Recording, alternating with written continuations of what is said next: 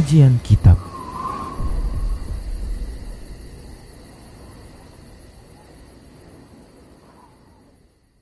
Bismillah, Assalamualaikum warahmatullahi wabarakatuh. Innal hamdalillah nahmaduhu wa nasta'inuhu wa nastaghfiruh wa na'udzu billahi min shururi anfusina wa min sayyiati a'malina. Man yahdihillah fala mudilla lahu ومن يضلله فلا هادي له. وأشهد أن لا إله إلا الله وحده لا شريك له. وأشهد أن محمدا عبده ورسوله صلى الله عليه وسلم. قال الله تبارك وتعالى يا أيها الذين آمنوا اتقوا الله حق تقاته ولا تموتن إلا وأنتم مسلمون. يا أيها الناس اتقوا ربكم الذي خلقكم من نفس واحدة وخلق منها زوجها وبس منهما رجالا كثيرا ونساء واتقوا الله الذي تساءلون به والأرحام إن الله كان عليكم رقيبا يا أيها الذين آمنوا اتقوا الله وقولوا قولا سديدا يصلح لكم أعمالكم ويغفر لكم ذنوبكم. ومن يطع الله ورسوله فقد فاز فوزا عظيما. أما بعد فإن أصدق الحديث كتاب الله وخير الهدى هدى رسول الله صلى الله عليه وسلم وشر الأمور محدثاتها وكل محدثة بدعة wa kullu bid'atin وكل wa في النار. finnar Para hamba Allah rahimani wa rahimakumullah Alhamdulillah kita bersyukur kepada Allah subhanahu wa ta'ala Atas segala kenikmatan dan kebaikan dari Allah subhanahu wa ta'ala Yang telah dia berikan kepada kita Yang pemberian tersebut tidak ada putus-putusnya selama kehidupan kita. Pemberian yang semuanya begitu besar yang tak mampu kita untuk menghadirkan dari diri kita.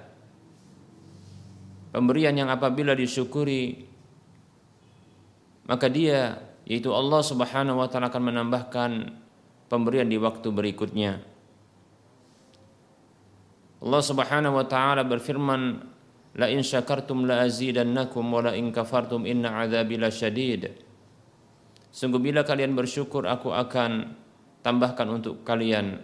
Namun bila kalian kufur sesungguhnya azabku sangat pedih. Salawat serta salam tak lupa kita ucapkan untuk nabinya Muhammad sallallahu alaihi wasallam. Nabi untuk umat akhir zaman. Nabi penutup sekaligus sebagai penghulu dari semua nabi dan rasul. Nabi yang apabila diikuti petunjuk ajarannya maka siapa pun yang mentaatinya akan masuk surga. Karena ketaatan kepadanya merupakan ketaatan kepada Allah Subhanahu wa taala. Allah Subhanahu wa taala berfirman Man ata'ar rasul faqad ata'a Allah. Siapa saja yang taat kepada Rasul, Mayuti'ar Rasul faqad atau Allah siapa yang taat kepada Rasul maka sungguh dia telah taat kepada Allah Subhanahu wa taala. Dan Rasul bersabda sallallahu alaihi wasallam, "Man ata'ani dakhalal jannah." Siapa saja yang taat kepadaku maka dia masuk surga. Para hamba Allah rahimani wa rahimakumullah. Kita akan lanjutkan pembahasan kitab Minhajul Muslim dalam bab akidah dan kita masih membahas tentang beriman kepada para rasul yang itu merupakan keimanan rukun iman yang keempat.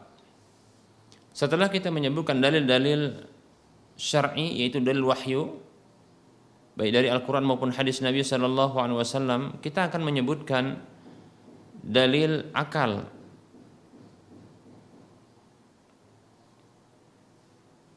yang menunjukkan bahwa Allah Subhanahu wa taala mengutus para nabinya, para rasulnya sebagai orang-orang pilihan darinya untuk menyampaikan pesan-pesan darinya. Para hamba Allah rahimani wa rahimakumullah. Ketahuilah Allah Subhanahu wa taala adalah zat yang maha gaib yang Allah Subhanahu wa taala tidak menampakkan dirinya kepada para hambanya selama mereka hidup dalam kehidupan dunia. Dan itu merupakan bentuk kasih sayang Allah Subhanahu wa taala tatkala Allah Subhanahu wa taala tidak menampakkan dirinya agar bisa dilihat oleh makhluk-makhluknya.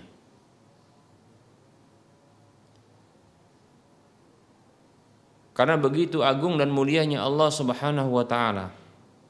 Dan tentunya itu sebagai bentuk ujian kepada para hamba karena mereka memang dalam kehidupan dunia ini adalah kehidupan mereka diuji oleh Allah Subhanahu wa taala. Allah Subhanahu wa taala berfirman dalam surah Al-Anbiya A'udzu billahi minasyaitonir rajim wa nabluukum bisyarri wal khairi fitnatan wa ilaina turja'un. Dan kami uji kalian dengan kebaikan dan keburukan dan kepada kami kalian dikembalikan. Begitu juga Allah Subhanahu wa taala berfirman dalam surah Al-Mulk ayat 2 A'udzu billahi minasyaitonir rajim alladzi khalaqal mauta wal hayata liyabluwakum ayyukum ahsanu amala Dialah zat itu Allah Subhanahu wa taala zat yang dia telah menciptakan kematian dan kehidupan agar dia menguji kalian siapakah yang terbaik amalnya di antara kalian.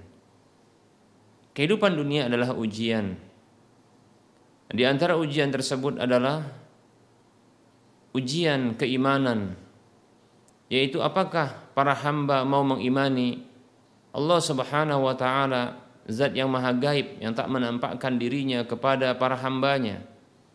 Namun senantiasa memperhatikan para hamba memberikan apa saja menjadi kebutuhan bagi mereka dan Allah Subhanahu wa taala ada alasan yang lain mengapa Allah Subhanahu wa taala tidak menampakkan dan tidak mengajarkan. Ajarannya menyampaikan pesan-pesannya kepada para hamba disebabkan karena Allah Subhanahu wa taala begitu agungnya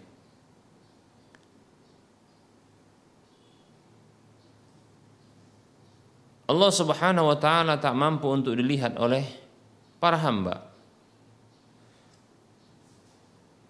Bahkan tak ada satupun dari makhluk yang mampu untuk bisa melihat Allah Subhanahu wa taala.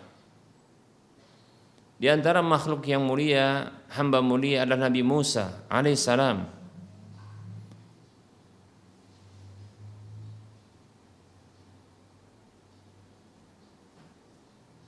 yang Nabi Musa alaihissalam pernah meminta kepada Allah subhanahu wa ta'ala agar menampakkan dirinya.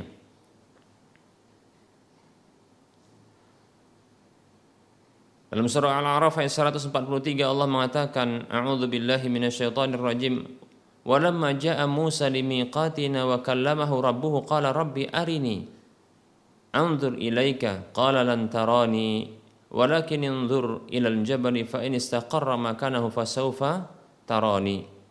Falamma tajalla rabbuhu lil jabali ja'alahu dakka wa kharra Musa sa'iqa. Falamma afaqa qala subhanaka tubtu ilaika wa ana awwalul mu'minin.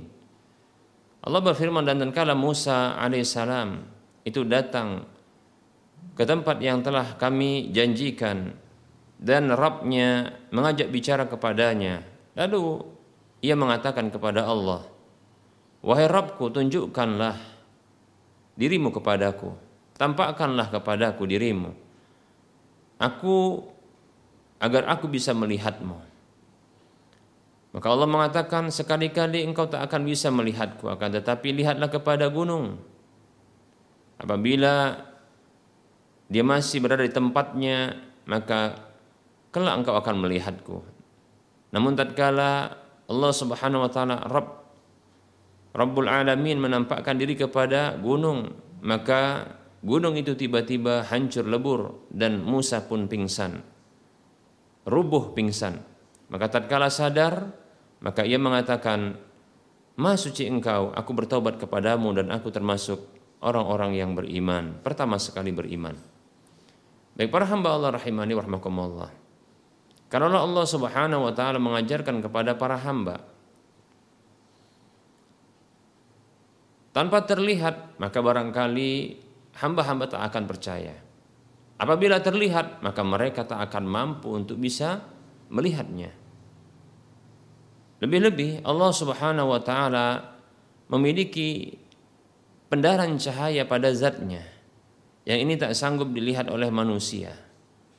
Dalam sebuah hadis yang diriwayatkan oleh Imam Muslim dengan nomor hadis 179 dari sahabat Abu Musa radhiyallahu anhu ia mengatakan, "Qama fina Rasulullah sallallahu alaihi wasallam bi khamsi kalimatin." Rasulullah sallallahu alaihi wasallam itu pernah berdiri di tengah kami dengan menyampaikan lima hal. Faqala maka beliau sallallahu alaihi wasallam bersabda, "Inna Allah azza wa jalla la yanam wa la yanbaghi lahu an yanam." Sesungguhnya Allah azza wa jalla tidak tidur dan tidak layak baginya untuk tidur. Yakhfadul qista wa yarfa'uhu. Dia merendahkan keadilan atau e, timbangan dan meninggikannya. Yarfa'u ilaihi amalan laili qabla amalil amalin nahari. Dia mengangkat kepadanya amal malam hari sebelum amal siang hari. Wa amalan nahari qabla amalil laili dan mengangkat amal siang hari sebelum amal malam hari. Hijabuhu an-nur. Hijabnya Allah Subhanahu wa taala itu adalah cahaya yaitu sesuatu yang menghalangi pandangan manusia atau pandangan hamba kepada Allah Subhanahu wa taala adalah cahaya. Atau sesuatu yang menghalangi pandangan Allah Subhanahu wa taala maksudnya adalah sesuatu yang membatasi ya pandangan Allah Subhanahu wa taala kepada hambanya. Yang fungsi dari hijab tersebut adalah agar tidak terbakarnya makhluk tersebut. Kata Rasulullah SAW, hijabuhu an-nur, Hijab Allah itu an-nur, cahaya. Lau kasyafahu andaikan dia yaitu Allah menyingkapnya la ahraqat subuhatu wajhihi man taha ilaihi basaruhu min khalqihi. Andaikan Allah menyingkapnya pastilah pendaran cahaya wajah Allah itu membakar apa saja yang berakhir pandangan Allah kepadanya dari makhluknya. Hadis riwayat Muslim. Demikian. Baik para hamba Allah rahimani wa rahmakumullah. Nah, ini merupakan bentuk ya hikmah. Mengapa Allah Subhanahu wa taala mengutus para nabi dan rasul? Ya. Kasih sayang Allah Subhanahu wa taala kepada para hambanya adalah Allah Subhanahu wa taala mengutus para nabi dan rasul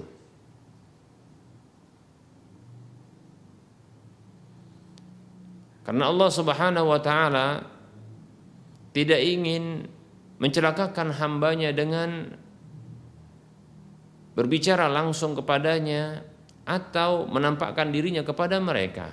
Demikian. Sehingga Allah Subhanahu wa taala mengutus para nabi dan rasul untuk mengajarkan dan mengenalkan apa saja yang menjadi aturan bagi Allah Subhanahu wa taala dan itu merupakan ya bentuk kasih sayang Allah Subhanahu wa taala dan apa yang disampaikan itu ajaran tersebut itu pun memuat kasih sayang Allah Subhanahu wa taala. Baik para hamba Allah rahimani warahmatullah. Kemudian penjelasan berikutnya dari dalil-dalil akal yang menunjukkan bahwa Allah Subhanahu wa taala mengutus para nabi dan rasul yaitu Allah Subhanahu wa taala mengutus orang-orang pilihan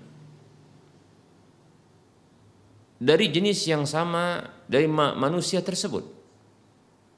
Agar bisa mengenalkan kepada mereka Rob mereka memberikan bimbingan kepada mereka menuju apa yang di dalamnya terdapat kesempurnaan bagi status mereka sebagai seorang hamba manusia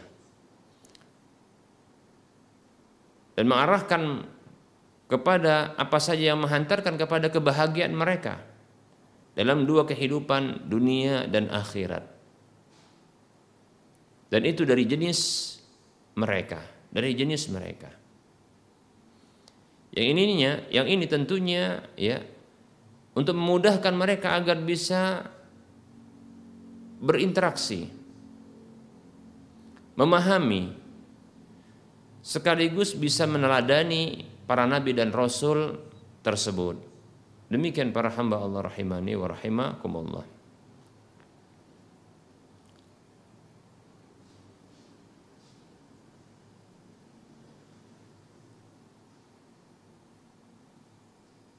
Allah Subhanahu wa taala menciptakan para hamba untuk beribadah kepadanya. Allah mengatakan a'udzu billahi minasyaitonir rajim wa ma khalaqtul jinna wal insa illa liya'budun dalam surah Adz-Dzariyat ayat 56. Tidaklah aku ciptakan jin dan manusia melainkan agar mereka beribadah kepada aku.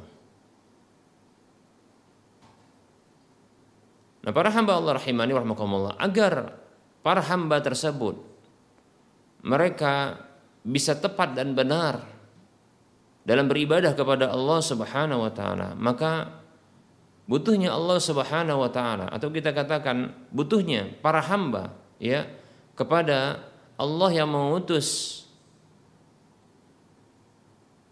para nabi dan rasul dari kalangan mereka sendiri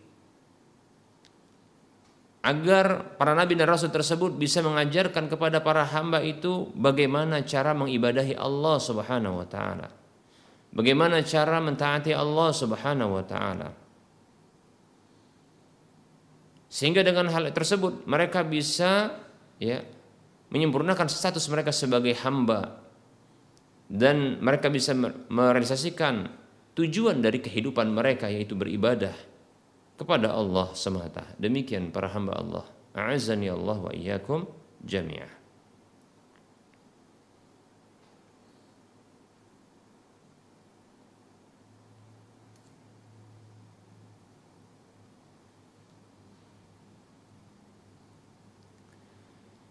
Kemudian para hamba Allah rahimani wa rahimakumullah.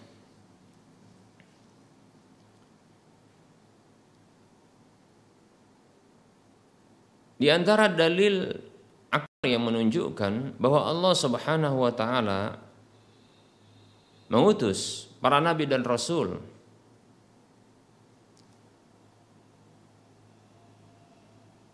adalah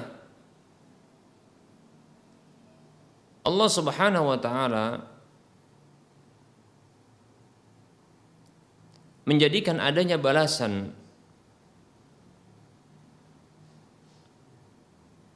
baik itu berupa pahala atas sebuah kebaikan begitu juga ancaman siksa dari sebuah keburukan yang keduanya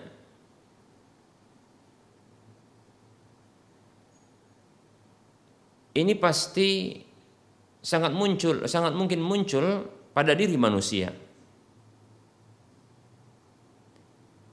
Sehingga butuhnya untuk ya dibersihkan sebuah jiwa manusia itu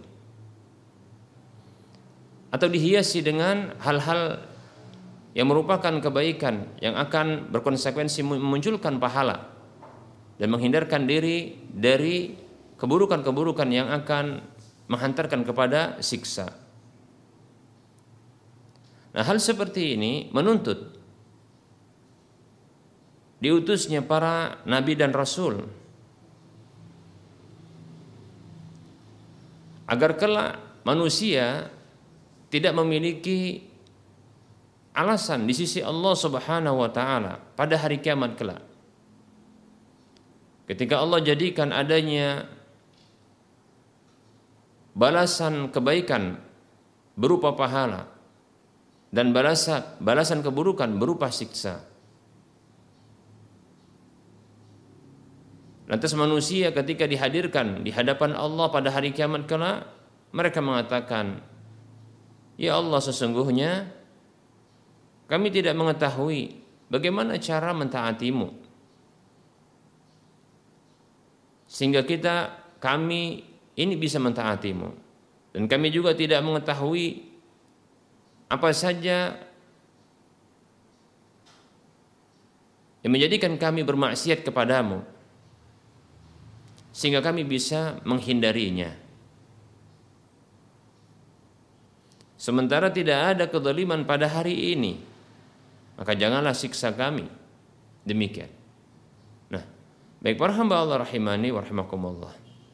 Nah, dengan diutusnya para nabi dan rasul yang mengajarkan bagaimana cara mengibadahi Allah Subhanahu wa taala dan apa saja yang dilarang oleh Allah Subhanahu wa taala. Bahkan cara beribadah, bagaimana ibadah kepada Allah secara rinci ini diajarkan oleh Rasul tersebut. Sebagaimana rincian-rincian dari keburukan-keburukan, kemaksiatan-kemaksiatan tersebut diberitahu oleh para nabi dan rasul tersebut agar dihindari. Yang ini menjadi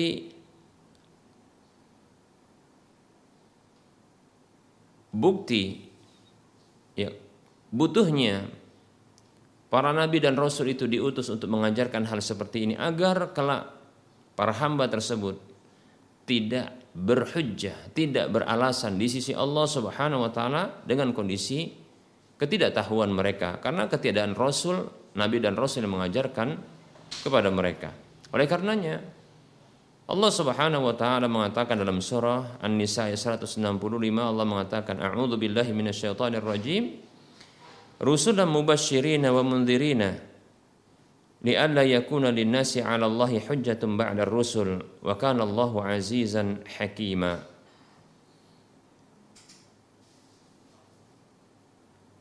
Mereka itu sebagai para rasul, utusan-utusan Allah Subhanahu wa taala, mubasyirin wa mundirin yang bertugas untuk memberikan kabar gembira sekaligus peringatan agar tidak ada bagi manusia di sisi Allah kelak alasan lagi setelah diutusnya para rasul tersebut dan Allah Subhanahu wa taala adalah zat yang maha perkasa lagi maha bijaksana. Demikian para hamba Allah rahimani wa rahimakumullah. Nah, ini adalah dalil-dalil akal yang menunjukkan bahwa Allah Subhanahu wa taala memang mengutus para nabi dan rasul. Baik para hamba Allah rahimani wa rahimakumullah.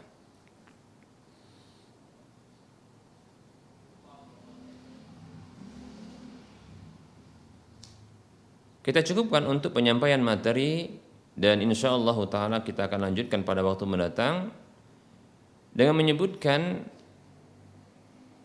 secara rinci keimanan terhadap Nabi yang diutus kepada kita yaitu Nabi Muhammad Sallallahu Alaihi Wasallam dan insya Allah taala itu akan kita sebutkan di pertemuan berikutnya. Baik, kita akan masuki sesi soal jawab dipersilahkan kepada para pemirsa untuk bertanya secara langsung di nomor 0822 8888 6630. Ini nomor layanan kami untuk bisa berhubungan langsung ya, bertanya interaktif dan insya Allah Taala akan dijawab langsung. Namun apabila ingin bertanya lewat tulisan, maka silahkan kirimkan pertanyaan di nomor layanan kami 0852 6190 4177 lewat chatting SMS. Demikian. Baik, kita akan masuki terlebih dahulu pertanyaan yang telah masuk lewat tulisan.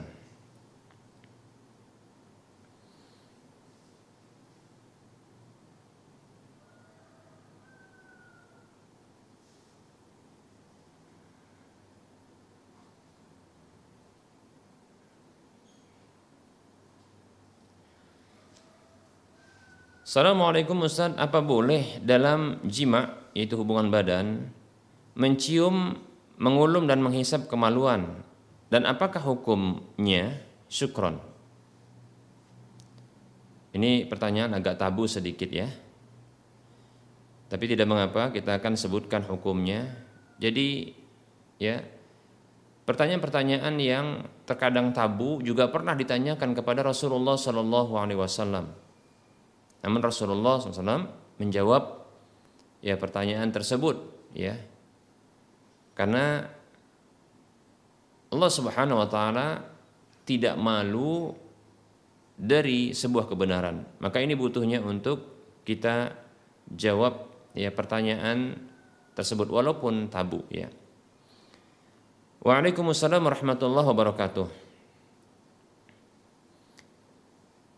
Hukum mencium, mengulum dan menghisap kemaluan, maka ini harus ada rincian.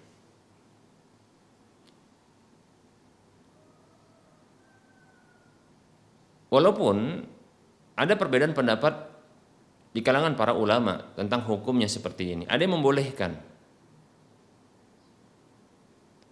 Dengan alasan tidak ada larangan di dalam Al-Quran maupun hadis Nabi Shallallahu Alaihi Wasallam.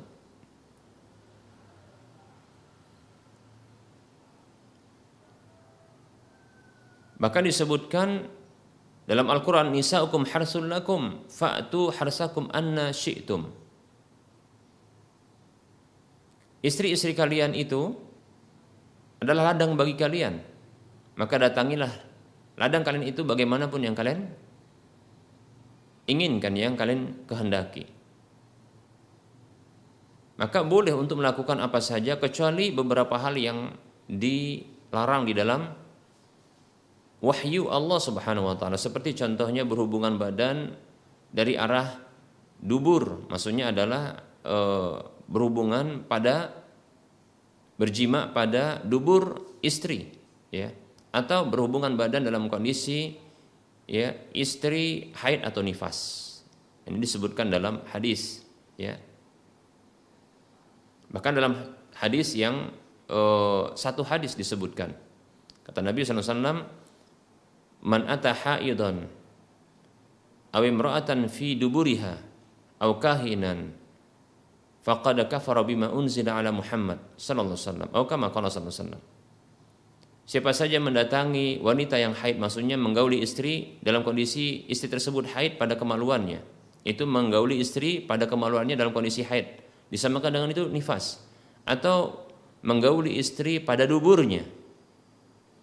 Atau mendatangi dukun, tukang ramal atau semisalnya, maka sungguh dia telah kufur terhadap apa yang diturunkan kepada Nabi Muhammad SAW. Oh kama qala SAW demikian ya.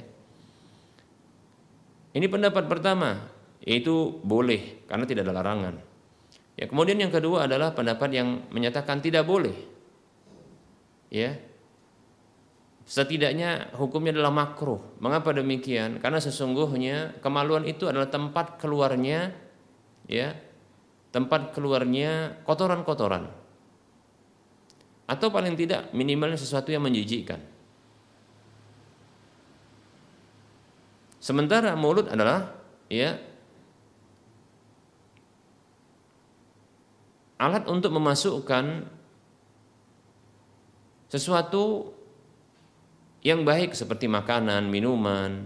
Nah, begitu juga keluar darinya ya sesuatu yang bisa untuk zikir kepada Allah atau membaca Al-Qur'an. Nah, seperti itu. Maka tidak layak ya untuk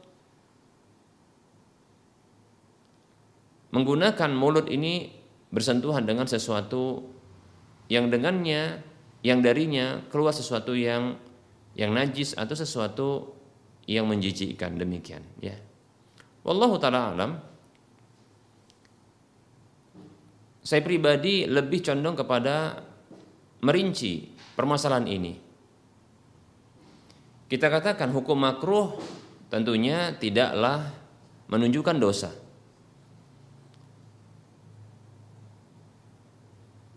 Karena makruh adalah sesuatu yang apabila dikerjakan tidak berdosa, apabila ditinggalkan maka berpahala. Baik. Kalau ditanya apakah berdosa yaitu melakukan ya kuluman atau hisapan atau ciuman kepada kemaluan, maka kita katakan ya rinci dalam masalah ini, harus merinci. Apabila suami atau istri melakukan ciuman, kuluman atau hisapan pada kemaluan ya pasangannya dalam kondisi hanya sekedar merangsang menaikkan syahwat dan belum ketika itu keluar madhi. Madhi. Belum keluar madhi hanya untuk menaikkan syahwat saja. Maka saya condong hukumnya adalah boleh. Saya tidak menyatakan ini makruh maksudnya saya tidak men men menyatakan ya dengan perkataan makruh tapi kita katakan boleh ya. Boleh artinya tidak ada dosa di sana. Untuk menaikkan syahwat dengan cara seperti itu. Ya.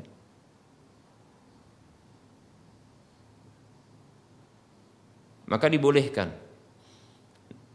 Namun apabila telah keluar madi dan menurut pendapat yang kuat dan seingat saya ini adalah pendapat jumhur ulama madi itu adalah najis karena sebagaimana dalam hadis Ibnu Abbas radhiyallahu anhu madi itu diperintahkan untuk dicuci kemaluan apabila keluar madi itu darinya dari kemaluan tersebut. Menunjukkan ini adalah najis madi. Nah, apabila keluar madi lalu terjadi ya interaksi dengan mulut seperti menghisap, mengulum. Nah, ini dikhawatirkan ya tertelannya najis ke dalam kerongkongan, tertelan, ya. Dan tentunya sesuatu yang najis adalah haram untuk dikonsumsi atau haram untuk ditelan. Maka ketika itu haram ya untuk mengulumnya. Seperti itu ya. Baik. Nah, ini rincian yang saya condong kepada pendapat ini dengan cara merinci ya.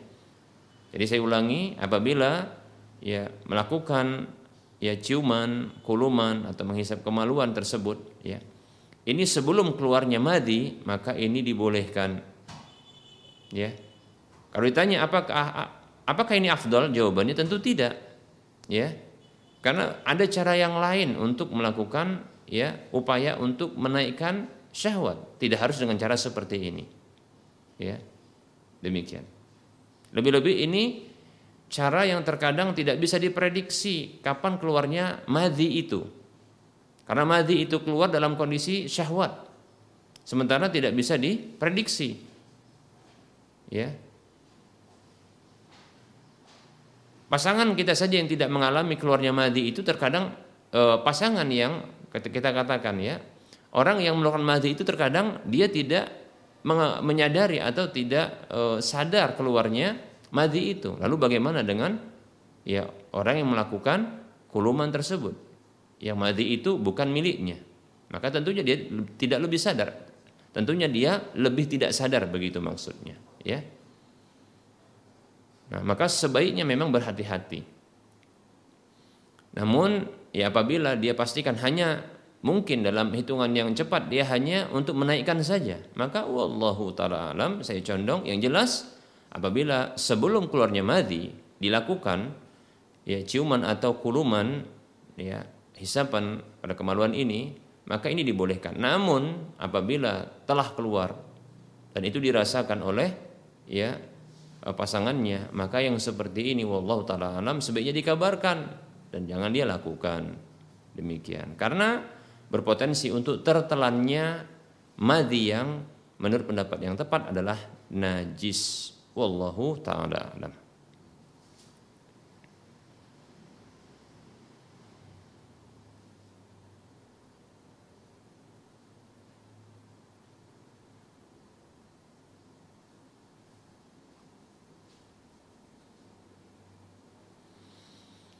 Ada pertanyaan Assalamualaikum warahmatullahi wabarakatuh. Maaf Ustaz, saya mau bertanya. Saya dan keluarga belum bersilaturahim ke keluarga kandung Bapak saya Saya dan abang saya bingung Karena e, bingung Apakah kita boleh memakan dan meminum apa saja yang disajikan oleh keluarga kandung dari bapak tersebut Yang ia bekerja di kantor pajak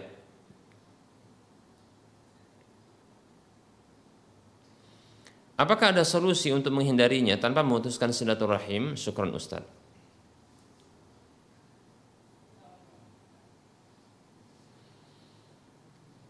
Waalaikumsalam warahmatullahi wabarakatuh. Silaturahim merupakan perkara yang disyariatkan, bahkan diharamkan untuk memutuskan tali silaturahim.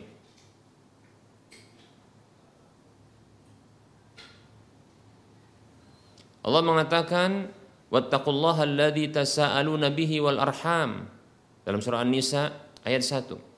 Bertakwalah kepada Allah Subhanahu wa taala yang dengannya kalian saling meminta. Dan sambunglah tali silaturahim. Diperintahkan oleh Allah untuk menyambung tali silaturahim. Bahkan kita diberikan motivasi, diberikan motivasi untuk menyambung tali silaturahim. Kata Nabi wasallam, "Man ahabba an yubsata lahu fi rizqihi wa an yunsa'alahu fi athari falyasir rahimahu." Siapa saja yang ingin di panjangkan usianya, diluaskan rizkinya, maka sambunglah tadi silaturahim. Itu rahimnya, demikian ya. Itu orang-orang yang memiliki hubungan kekerabatan dengannya. Saudara ayah termasuk adalah kerabat maka ada kewajiban untuk menyambung silaturahim dengannya. Baik para hamba Allah rahimani rahimakumullah. Permasalahannya adalah saudara ayah ini bekerja sebagai pegawai pajak. Baik para hamba Allah rahimani rahimakumullah. Setahu saya ada perbedaan pendapat di kalangan para ulama tentang hukum ya pajak dan bekerja di instansi ya perpajakan seperti ini. Baik para hamba Allah rahimani rahimakumullah. Dari pertanyaan yang diajukan sepertinya sang penanya ini lebih condong untuk mengharamkan. Baik, andaikan pun haram bagi berpendapat itu adalah haram, maka ketahuilah ya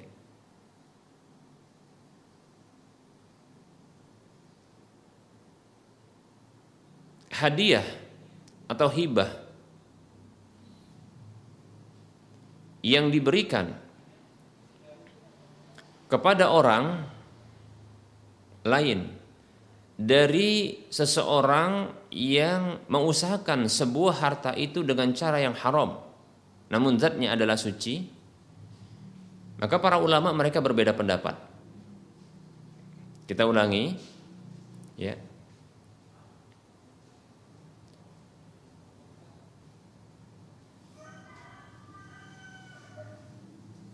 Orang yang bekerja pada sebuah pekerjaan yang haram, cara mendapatkan rizki dengan cara yang haram. Namun gaji yang didapatkan itu bentuknya suci. Bukan berupa bangkai atau daging babi atau daging hewan-hewan yang haram untuk dikonsumsi. Atau juga bukan khamar tapi berupa uang. Caranya adalah haram. Ini bagi yang berpendapat bahwasanya ya pajak atau bekerja di perpajakan itu adalah haram ya.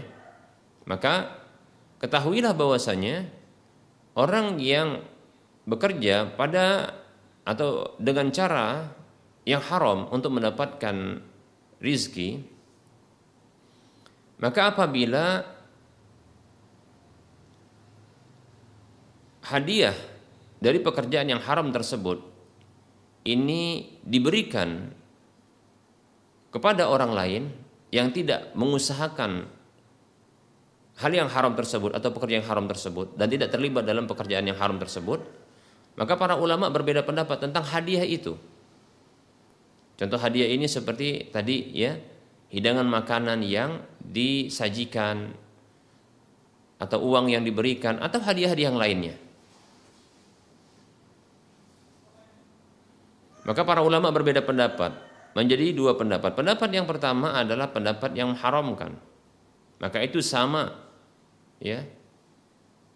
Dihukumi sama.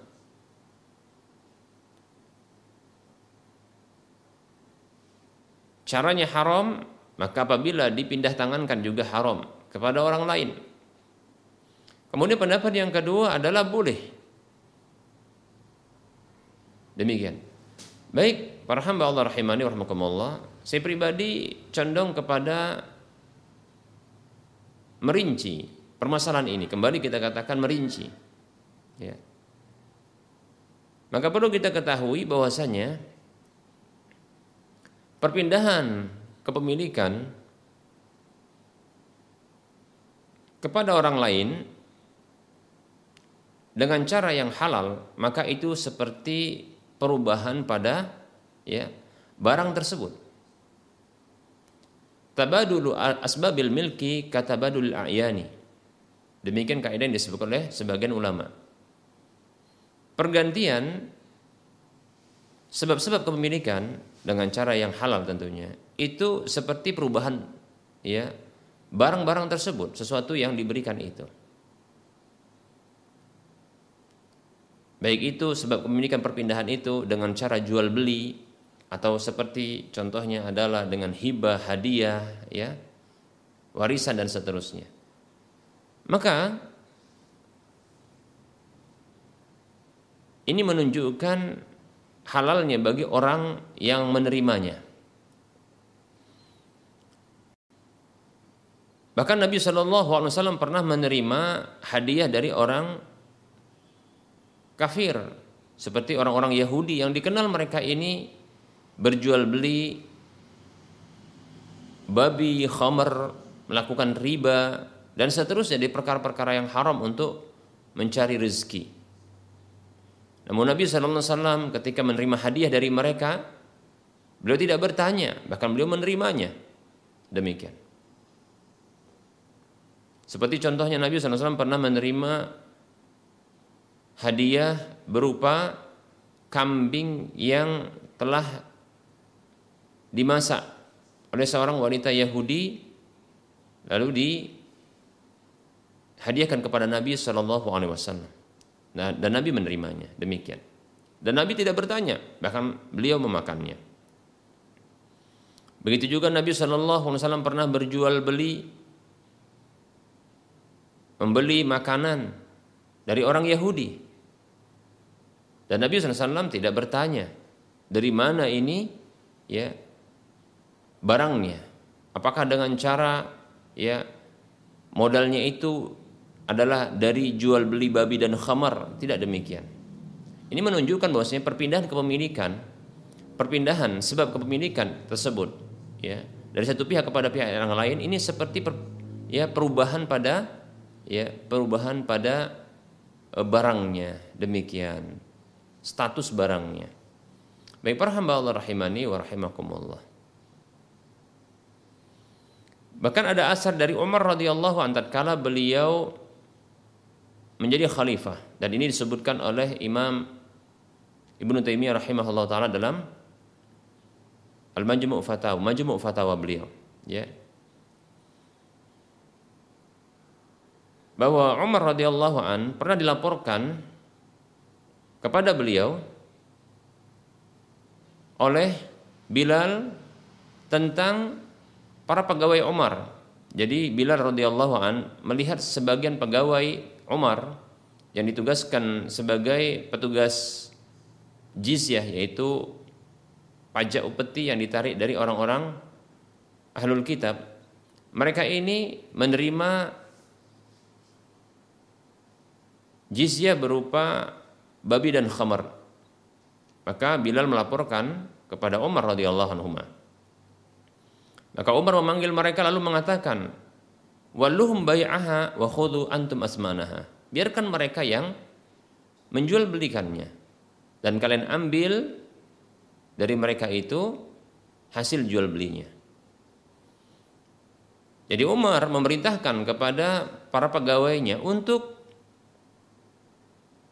membiarkan mereka ya, yang menjual belikan babi dan khamar tersebut dan jangan diambil babi itu dan khamar tersebut karena tidak bermanfaat bagi kaum muslimin karena zatnya adalah haram.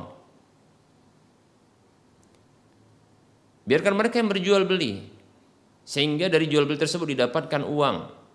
Lalu uang itu diambil oleh kaum muslimin sebagai jizyah dari mereka, pembayaran upeti. Padahal kita mengetahui bahwasanya hasil jual beli dari barang-barang yang haram untuk dikonsumsi adalah haram pula. Kata Rasulullah SAW, Inna Allah idha harrama akla syai'in harrama samanau. Hadis riwayat Ahmad dan yang lainnya. Sesungguhnya Allah apabila mengharamkan memakan sesuatu, mengkonsumsi sesuatu, maka Allah mengharamkan hasil jual belinya. Haram hanya saja uang dari hasil jual beli babi dan khamr tersebut berpindah kepemilikannya kepada kaum muslimin itu lewat jizyah dan itu halal demikian jadi ya hadiah dari orang-orang yang mengusahakan rezeki dengan cara yang haram yang zat dari rezeki tersebut adalah halal maka halal pula kepada bagi orang yang menerimanya yang menerima hadiah tersebut atau pemberian tersebut. Namun ada syaratnya. Ini yang saya katakan rinciannya. Syaratnya adalah ya ketika menerima tersebut tidak menjadi pembenaran atas tindakan yang haram yang dilakukan oleh orang tersebut.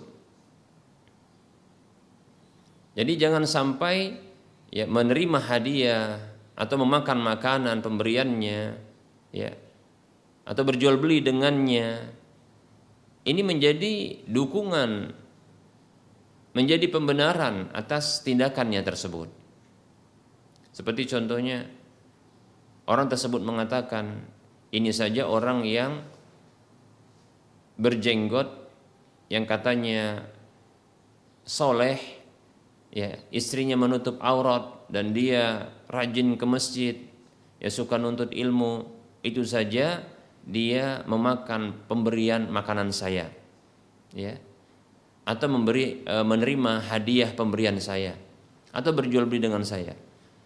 Dengan itu dia legalkan dia benarkan tindakan haram tersebut. Nah ini kalau demikian maka tidak boleh ya bagi orang yang mengetahui hal tersebut ya ini akan dijadikan pembenaran ya interaksinya dalam urusan harta tersebut ini menjadi pembenaran atas tindakan yang haram tersebut maka tidak dibenarkan. Wallahu taala a'lam. Ya. Nah, seperti itu rinciannya. Semoga bermanfaat.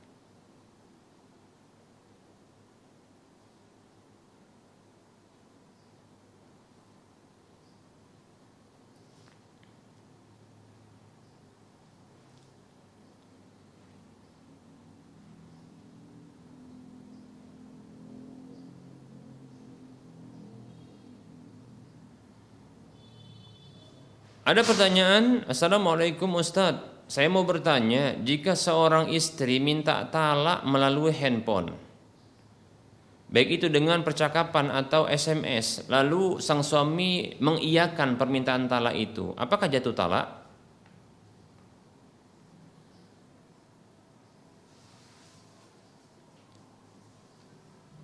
Waalaikumsalam warahmatullahi wabarakatuh. Sesungguhnya talak itu ada pada suami. Apabila seorang istri minta talak, maka sesungguhnya tidak jatuh talak hanya sekedar permintaannya saja. Dan wanita seorang istri yang minta talak tanpa ada alasan yang dibenarkan.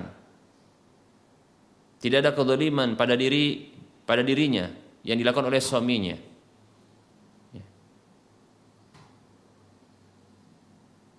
Atau hal-hal yang lainnya yang menjadi alasan yang dibenarkan untuk dia minta talak. Ketahuilah sesungguhnya Rasulullah SAW mengancam dengan ancaman yang sangat berat. Kata Nabi SAW, Ayu mamra'atin sa'alat zawjaha at-talaqa min ghairi ma ba'sin fa haramun 'alaiha raihatul jannah. Hadis ini diriwayatkan oleh Imam Ibnu Majah dan yang lainnya. Disahihkan oleh Syekh Al-Albani rahimahullahu taala. Wanita mana saja yang minta talak, minta cerai dari suaminya tanpa alasan yang dibenarkan, maka haram baginya mencium aroma surga. Dalam yang lain disebutkan Aroma surga itu bisa dicium dari jarak 40 tahun. Wallahu taala alam. Baik. Maka jangan para wanita minta talak dari suaminya, ya. Tanpa alasan yang dibenarkan.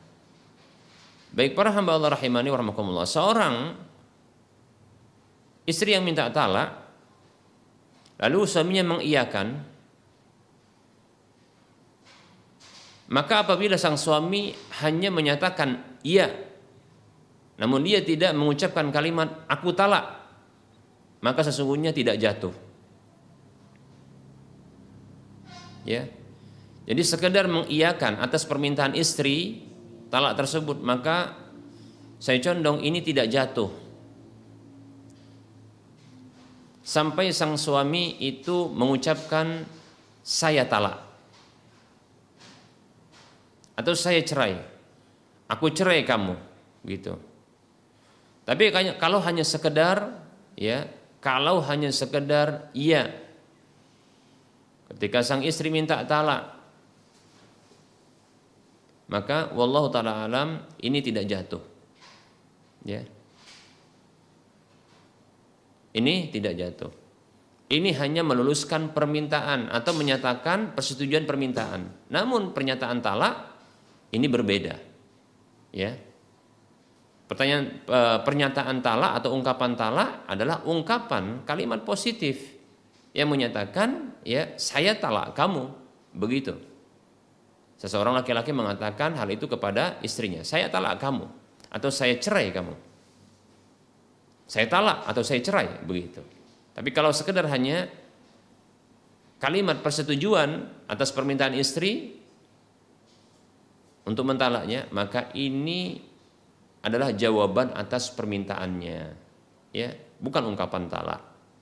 Ya. Demikian.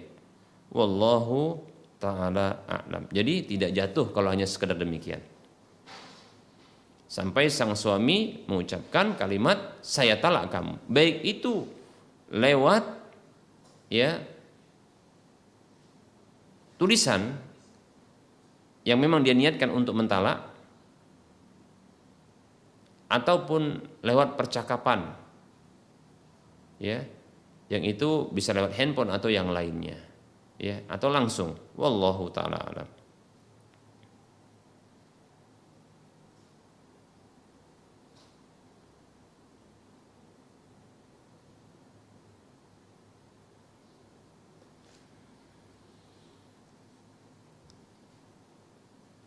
ada Pertanyaan Bismillah Ustaz minta tips bagaimana agar dimudahkan oleh Allah untuk menghafal. Sekarang saya sangat kesulitan untuk menghafal Al-Quran bahkan doa-doa pendek pun terasa sulit. Barakallahu fiqh. Wafik barakallah. Semoga Allah Subhanahu wa taala memudahkan kita semua untuk menghafal kebaikan.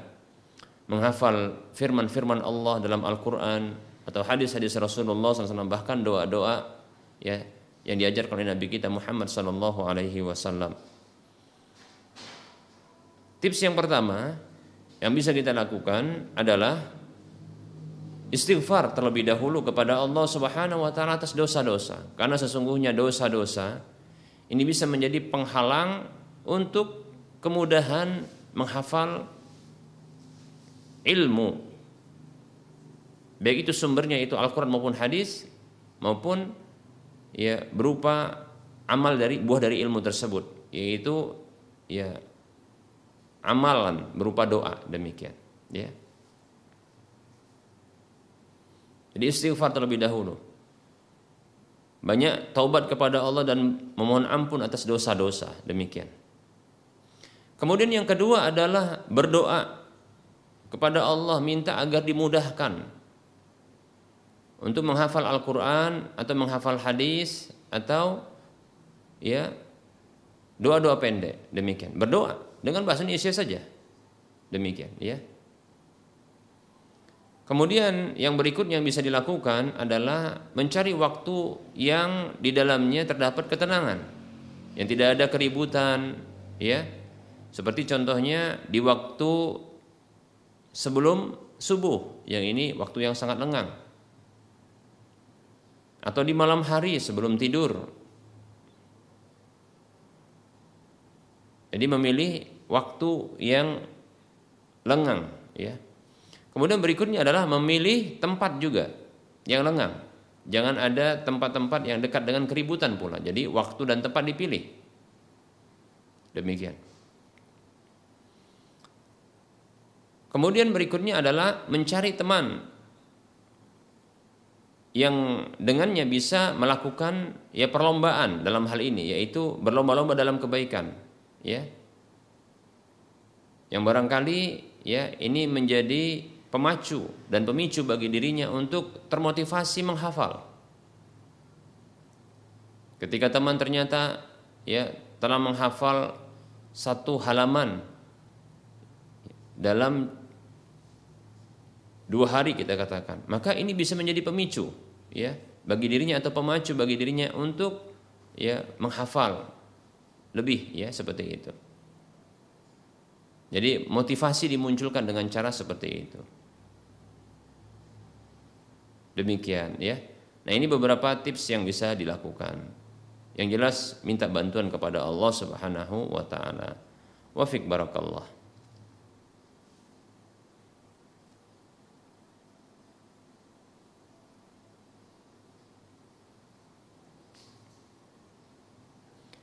Ada pertanyaan Assalamualaikum warahmatullahi wabarakatuh Semoga Allah menjaga Ustadz selalu beserta keluarga Saya mau bertanya saya akan nazar. Bolehkah saya utarakan ke akhwat bahwa saat nikah nanti tinggal satu rumah dengan orang tua saya. Sebab saya anak tunggal dan ibu saya sudah sakit-sakitan dengan penyakit mah yang sangat akut. Bolehkah ini saya membawanya? Bolehkah dengan ini saya membawanya satu rumah dengan orang tua saya? Mohon penjelasannya Ustaz. Jazakallahu khairan. Waalaikumsalam warahmatullahi wabarakatuh. Semoga Allah juga menjaga antum beserta keluarga di mana saja berada ya dalam kebaikan. Amin ya rabbal alamin. Dan semoga Allah SWT memberikan kesehatan kepada ibu antum. Baik, sesungguhnya di antara hak seorang istri adalah dia mendapatkan tempat tinggal yang nyaman, yang tidak bergabung dengan keluarganya, keluarga suami atau keluarganya sendiri. Itu haknya. Nah, oleh karenanya apabila ingin menggabungkan istri tersebut kepada keluarganya yaitu tinggal bersama dengan keluarga sang suami maka hendaknya meminta izin dan kerelaannya keridoannya. Nah apabila hal ini dipersyaratkan di awal agar sang istri bisa calon istri ya itu bisa merelakan atau merid, e, merelakan atau mengizinkan untuk bisa tinggal bersama dan ini tentunya disebutkan waktunya Apakah dengan waktu tahun, dengan bilangan tahun, atau dengan eh, kaitan waktu seperti sampai nanti orang tua wafat begitu? Ya, ini harus disebutkan, dimintakan kepadanya, kepada calon istri tersebut. Apabila dia ridho, maka insya Allah Taala maka boleh untuk dilanjutkan. Namun bila tidak ridho, maka dia akan mundur dari proses pernikahan tersebut. Nah, demikian. Jadi ya, pertama hukumnya boleh tapi dengan cara di dipersyaratkan dalam pernikahan itu. Ya, disebutkan dulu. Demikian. Agar nanti dia menggugurkan haknya. Itu hak untuk mendapatkan tempat tinggal yang nyaman yang tidak bersama dengan ya keluarga. Demikian. Itu haknya. Wallahu taala alam ya. Jadi silahkan untuk menyampaikan persyaratan tersebut di awal pernikahan atau e, sebelum pernikahan atau e, sebelum proses menuju pernikahan. Demikian. Apabila dia telah ridho, bahkan kalau bisa ini dicatat saja dalam tulisan agar nanti ketika digugat oleh sang istri tersebut, nah ini ada buktinya. Ya, ini ada bukti. Dicatat dalam e, sebuah tulisan ya, dibuat surat begitu, bahwasanya syarat ini dipenuhi oleh ya, calon istri. Sehingga nanti tidak digugat ya di waktu berikutnya ya. Wallahu taala a'lam. Baik para hamba Allah rahimani rahimakumullah, sepertinya kajian pada hari ini telah sampai kepada penghujung kajian dan tentunya dalam penyampaian baik itu penyampaian materi maupun e, jawaban terhadap pertanyaan tersebut terdapat kesalahan dan keliruan, maka kepada Allah saya mohon ampun dan kepada para hadirin, para pemirsa dan para pendengar sekalian, saya mohon maaf. Dan seperti biasa kita motivasi saudara seiman seluruhnya, mari kita berdonasi, menyisihkan atau mengarahkan sebagian harta yang telah Allah titipkan kepada kita Mari kita memiliki mari kita miliki aset akhirat ya yang nanti pahalanya terus akan mengalir ketika masih hidup ataupun ketika setelah wafat. Tatkala aset akhirat ini ternyata dimanfaatkan oleh orang lain, bahkan dimanfaatkan untuk ketaatan kepada Allah Subhanahu wa taala. Maka kita akan dapatkan pahalanya. Mari ya berdonasi, berinfak atau bersedekah dengan sedekah jariah untuk membebaskan lahan yang nantinya akan dibangun di atas lahan tersebut Masjid Al-Muwahhidin. Mari arahkan ya dana Anda ke Bank Syariah Mandiri atau Bank Syariah Indonesia di nomor 7127485 555 atas nama Yayasan Lajnah Dakwah Medan kode bank 451. Ini adalah aset yang tidak akan rugi. Bahkan bisa jadi nanti kita akan merasa rugi ketika kita tidak ya melibatkan diri dan tidak mengarahkan sebagian harta yang telah Allah titipkan kepada kita ya ketika ter, uh, kita lihat ada peluang yang besar saat ini ya demikian maka silahkan arahkan sebagian harta kita ya ke Bank Syariah Mandiri atau Bank Syariah Indonesia di nomor 71274855555 atas nama Yayasan Lajnah Dakwah Medan. Kode kode bank 451 semoga termotivasi dan semoga bermanfaat. Wassalamualaikum warahmatullahi wabarakatuh.